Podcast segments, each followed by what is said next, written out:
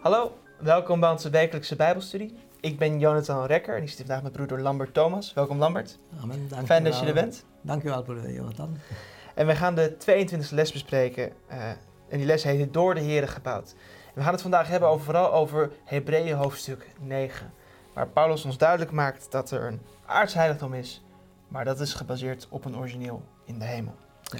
En voordat we dat verder en dieper gaan bespreken, gaan we eerst in gebed. Onze dierbare Hemelse Vader, met een dankbaar hart komen wij deze dag tot u. In het bijzonder om u te bedanken voor de mogelijkheid, voor de openbaring van uw woord. Wij bidden u dat u in ons midden wil zijn en dat u ons mag leiden met uw Heilige Geest. In het bijzonder ook zegen al degenen die deze lessen zullen verder bestuderen via de YouTube-kanaal. Zo vergeef onze zonden, zodat uw aanwezigheid bij ons en ook bij de kijkers mogen zijn. Wij danken het in Jezus' naam. Amen. Amen. De 22e les, door de Heer gebouwd. Ehm, we hebben een mooie inleidingstest en een mooie inleiding, maar die bewaren we voor de eerste vraag. Dus we vliegen meteen de eerste vraag in. Ja. Ehm, hoe de Bijbel het heiligdom in de hemel beschrijft. Ja. Ehm, de eerste vraag is eigenlijk, ja, is er een heiligdom in de hemel en hoe weten we dat?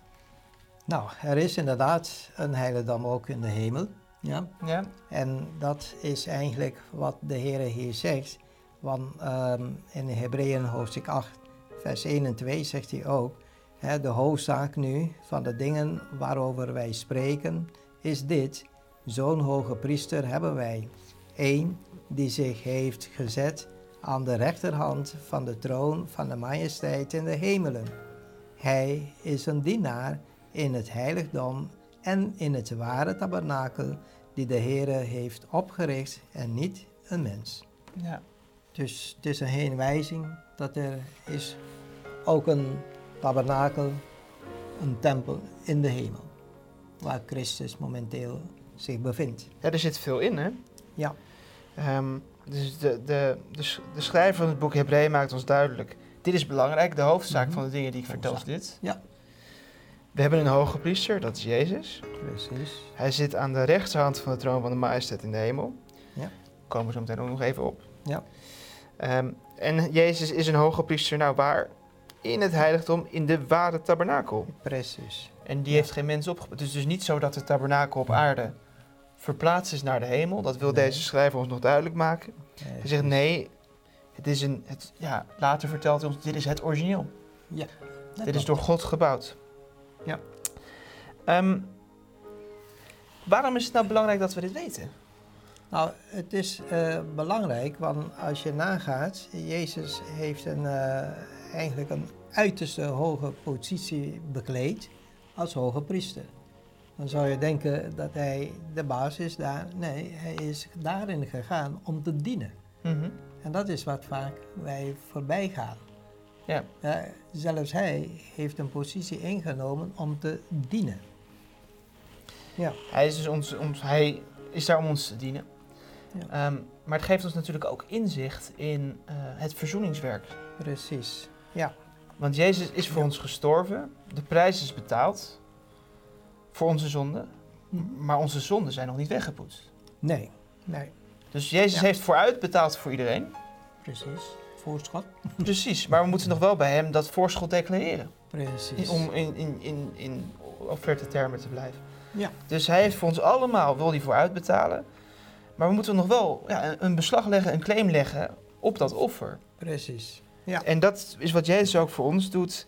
Wanneer Ja. wij onze zonde beleiden, Mm. dan zegt Jezus eh, tegenover de Vader: Vader, mijn bloed, mijn bloed. Ik heb ook voor hem mijn bloed gegeven. Juist. En Ja. dan, via Jezus, leggen wij dan beslag op de belofte dat onze zonden worden vergeven.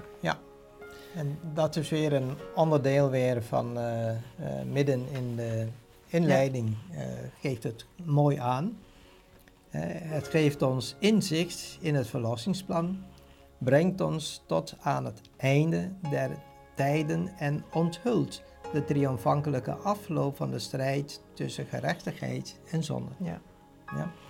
Dus we zien hierin dat het is van heel groot belang ehm, waarmee Jezus nu bezig is. Het heeft te maken met de eeuwige dingen. Precies. Ja.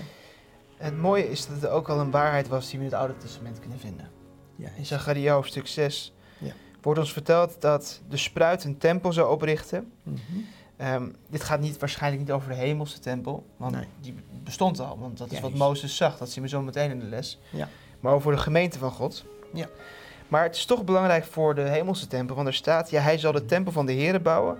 Hij zal met majesteit bekleed zijn. Hij zal zitten en heersen op zijn troon. Hij zal priester zijn op zijn troon. Ja. Tussen die beiden zal vredesbraad plaats- plaatsvinden. Precies. Dit gaat over dat Jezus voor ons zal pleiten. Precies. Het vredesberaad tussen de vader en de zoon...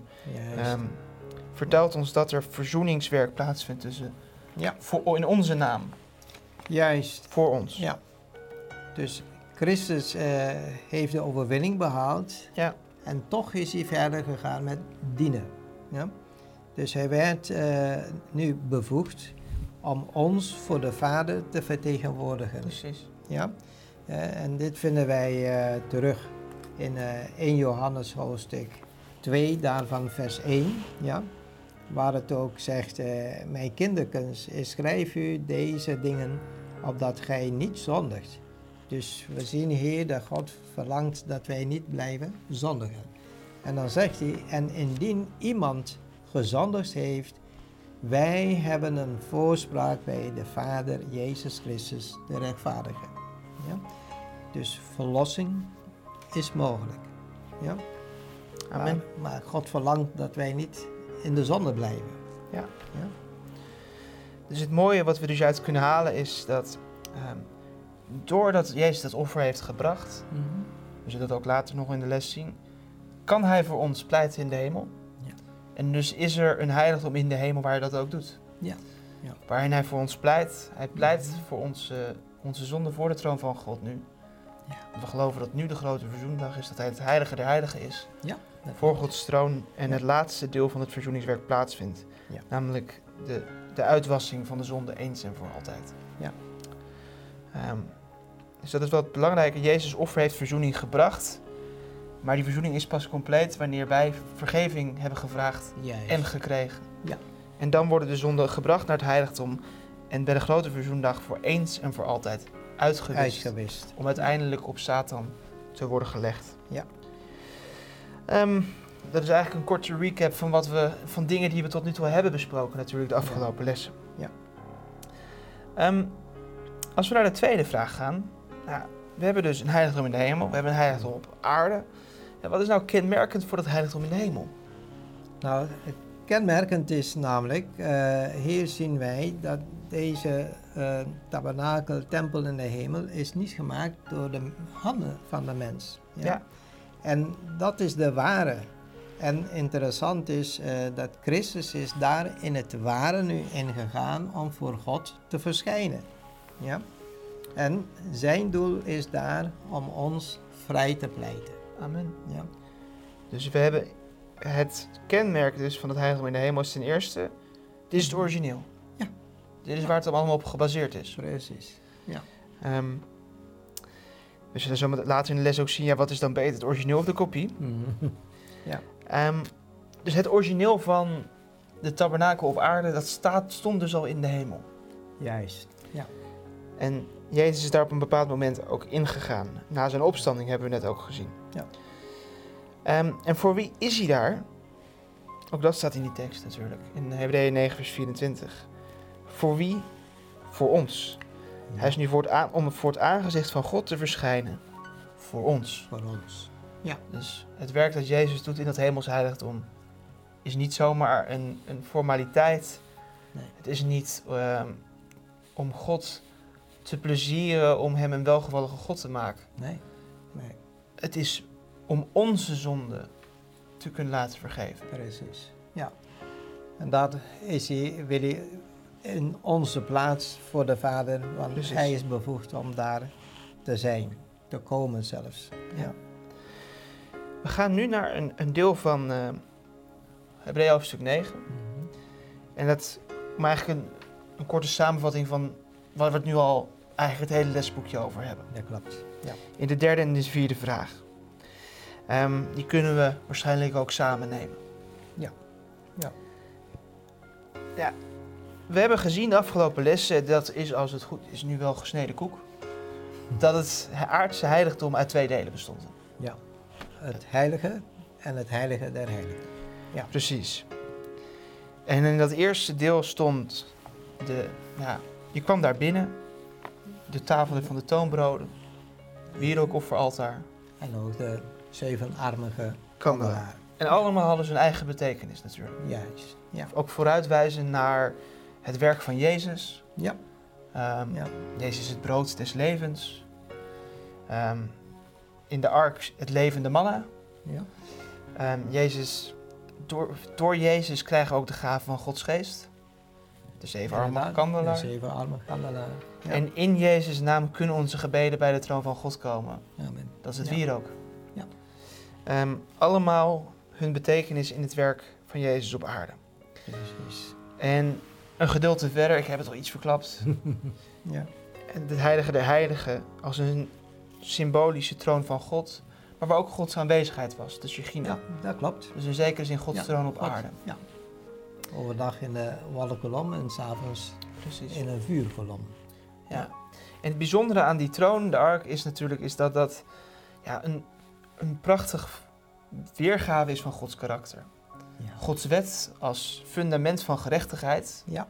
waar de Gods regering op is gebouwd. Ja. Maar niet zonder de genade, met het verzoendeksel. Verzoendeksel erop, ja.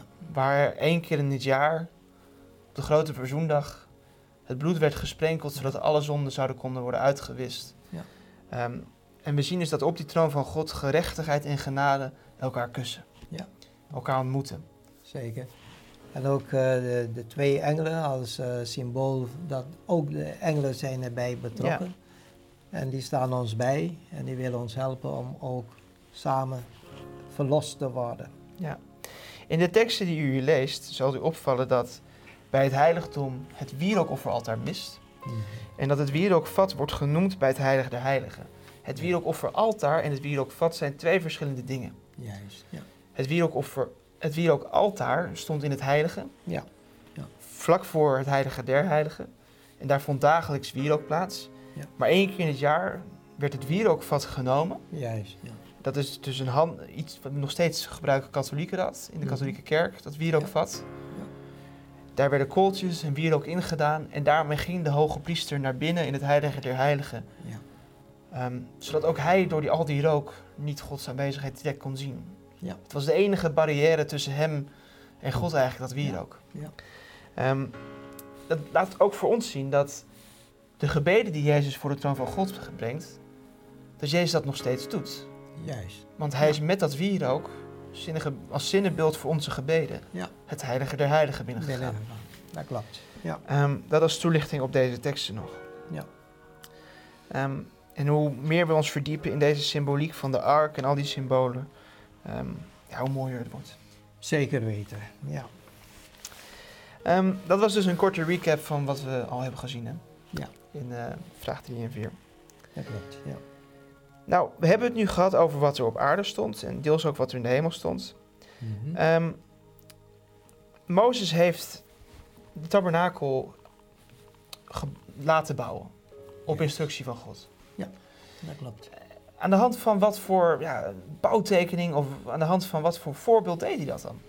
Nou, hij heeft het eh als voorbeeld van wat hij in de hemel heeft gezien. Ja, Want de Bijbeltekst hier in eh Hebreeën 8, vers 5 zegt het ook. eh, deze priesters doen dienst in een afbeelding en schaduw van de hemelse dingen, overeenkomstig een aanwijzing van God die Mozes ontving bij het voltooien van de tabernakel. Ja?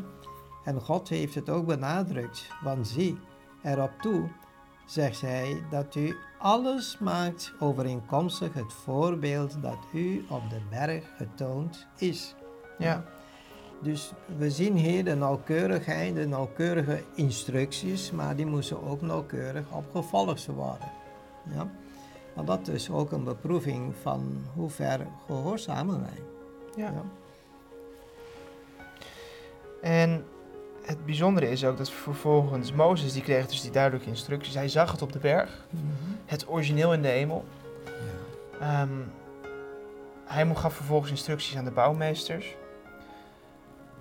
Maar uiteindelijk konden ze dat voorbeeld zo goed even nahouden, omdat natuurlijk ook die bouwmeesters werden door Gods geest geleid. Precies. Het staat in de opmerking, maar het zit Ja. ook in, in de passages in, ehm, volgens mij is het onder andere Leviticus, wordt ook verteld dat ze door Gods geest Mhm. Ja. waren eh, begiftigd met hun talent. Ja, inderdaad. Ja. Dus, want het is praktisch onmogelijk. eh, ze waren daar in de woestijn. Hè? Dus dat moeten we niet vergissen. Nou, daar heb je niet alles bij de hand. En toch heeft God hen daarin begeleid. En de mooiste werken kwamen daaruit voort. Precies. En het is moeilijk als jij, als je zelf een, bepaald, een bepaalde visie hebt, een plan hebt, en je vertelt het aan iemand anders. Ja, Maar tussen mensen onderling lukt het bijna nooit om dat precies zo te laten zien als jij dat voorgesteld. precies. En Ja, daarom was het ook zo belangrijk dat God dit leidde. Juist. Ehm, ja. Zodat het, want Mozes zag, wat God, dat het overeenkomstig dat voorbeeld dat Mozes had gezien, dat het werd gebouwd. ja. Ehm, ik noemde al, we hebben een tabernakel in de hemel. ja. Is er nog een andere tekst in de Bijbel waar we dat kunnen vinden dat er echt een tempel in de hemel staat? We hebben Hebreeën hoofdstuk 9 net genoemd. Ja. Nou, dat vinden we terug in eh, Openbaring hoofdstuk 11, daarvan vers 19. Want daar kunnen we het eh, terug eh, vinden dat er is een tempel in de hemel. Ja. En er staat dan, en de tempel gods in de hemel is geopend geworden en de ark van zijn verbond is gezien in zijn tempel. Ja, dus met andere woorden, daar staat hij, de originele, Ja. in de hemel. Ja, Dus Johannes die hoorde de, de zevende trompet of de zevende bazuin eh, om aan te geven dat de laatste periode ja.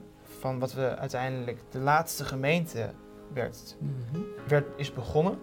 Ja. En op dat moment, toen de laatste periode begon, toen dat werd aangekondigd, dus had hij een visioen en hij zag in de hemel de tempel van God. Het origineel en hij zag de ark. Hij zag de ark.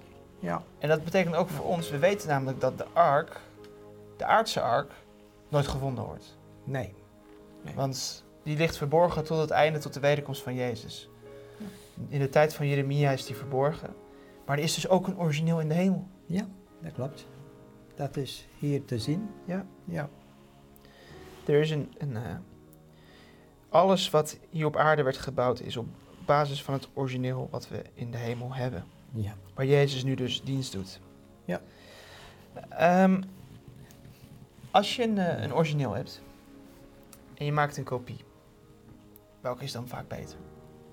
Normaal gesproken zou je, zou je altijd zeggen, nou, de originele is het eh, alle Ja, perfectste. toch? Dat, ja, als, als ik een origineel heb van Ja. iets, een foto of een, of een Ja. boek, Ja. en iemand maakt een kopie, dan wil ik niet de kopie terug hebben. Dan wil ik het origineel. Juist. Ja. Want ja, dat Ja. is altijd, het kan nooit beter worden dan het origineel. Nee, dat klopt. Ja. Dus als we naar de zesde vraag gaan, ja, wat was Ja. nou beter? Wat was grootser en volmaakter? Het origineel Ja. of de kopie? Ja, nou, ehm, in die vraagstelling zie je eigenlijk eh, twee woorden genoemd hier. Welke was grootser Mhm. en volmaakter. Dus met andere woorden, ehm, we moeten het aardse niet onderschatten. Precies, dat is ook zo. Ja, want het was ook groot. En het was ook volmaakt. Want het heeft betrekking op Christus zelf. Ja. Ja. En wie stond onder leiding? Hebben we net gehad. Ze stonden onder de inspiratie van Gods geest. Amen. De Heilige Geest heeft hun daarin geleid. Dus je kan niet zeggen dat de Heilige Geest, nou het was wakker of zo. Nee, het was echt perfect bedoeld, zodat wij kunnen begrijpen vandaag wat daarboven gebeurt. Amen. Ja. Dus het de tab- tabernakel op aarde was al volmaakt. Ja. Was al perfect, maar ja, het origineel Ja. is toch nog beter. Dus het is nog beter. Nog grootser, Ja. nog volmaakter, nog Ja. meerder. Ja. Ehm, Soms hebben we eh, voorbeelden van eh, de tempel van Salomo, was met pracht en praal en inderdaad. eh, Maar eh, welke is nu belangrijker? Eh, deze laatste waar Jezus zelf als de zoon van eh, God Ja. daarin verscheen. Welke was beter nu? Ja. Dus dat zijn de vergelijkingen van dingen. Ja, Groot, prachtig, maar de originele spreken we nu, die is in de hemel zelf. En dat is natuurlijk ook de andere reden, is dat ehm, Jezus is daar nu nog. Juist. En dat maakt het ook nog beter, want Mhm. waar God is, Ja. de tempel zonder God is niets. Nee. Alleen maar stenen. Dat klopt. Dus op het moment dat Jezus zijn offer had gebracht, ehm, de schaduwdienst was vervuld, Juist. Ja. had het geen betekenis meer. Nee, nee. Dat klopt. En Jezus had ook gezegd, ik laat uw huis uw ledig achter. Dus de tempel was toen niets meer voor. Ja, Nee. Dat geen En- betekenis ja. meer. En je ziet ook eh, hoe de keuze die men toen had gemaakt, hè, van de Joden toen en tijds, hebben de keuze gemaakt voor het gebouw en niet voor Jezus. Ja. Terwijl Jezus is voor de eeuwigheid. En dan zegt hij ook in Hebreeën 9, vers 11, zegt het ook hier. Hè, maar Christus, de hoge priester der toekomende goederen, gekomen zijnde, is door de meerdere en volmaaktere tabernakel niet met handen gemaakt. Dat is niet van dit maaksel, dus niet van mensenwerk. Van deze Ja. schepping staat er in de... Ja. Ja, amen. Er is een... ehm, we weten dat... Hier wordt al besproken over het hemels heiligdom. Ehm, maar wanneer is het werk daar in het hemels heiligdom nou begonnen? Nou, sorry. We hebben het eigenlijk al een beetje erover gehad. Ja, dus ehm, dat is begonnen toen Christus eigenlijk aan het kruis van Golgotha stierf. Ja. Ja. Want toen heeft hij bekroond, het is volbracht daar. En dat was eigenlijk een bekroning op eigenlijk het offerwerk dat hij hier op aarde kwam doen, kwam Ja. brengen. Ja. En we zien ook dat de eh, gordijn hè, die eh, scheiding veroorzaakte tussen het heilige en het allerheiligste, dat was gescheurd van boven naar beneden. Ja. Niet door mensen, maar door God zelf. Dus het, Ja. ver- het vertelt ons dus dat aardse heiligdom had zijn rol vervuld. Ja. Dat was klaar. Het had vooruitgewezen naar het offer dat Jezus zou brengen. Precies. Naar de verlosser die komen zou. Ja. Dat werk was volbracht. En nu had Jezus het offer gebracht wat verzoening zou brengen.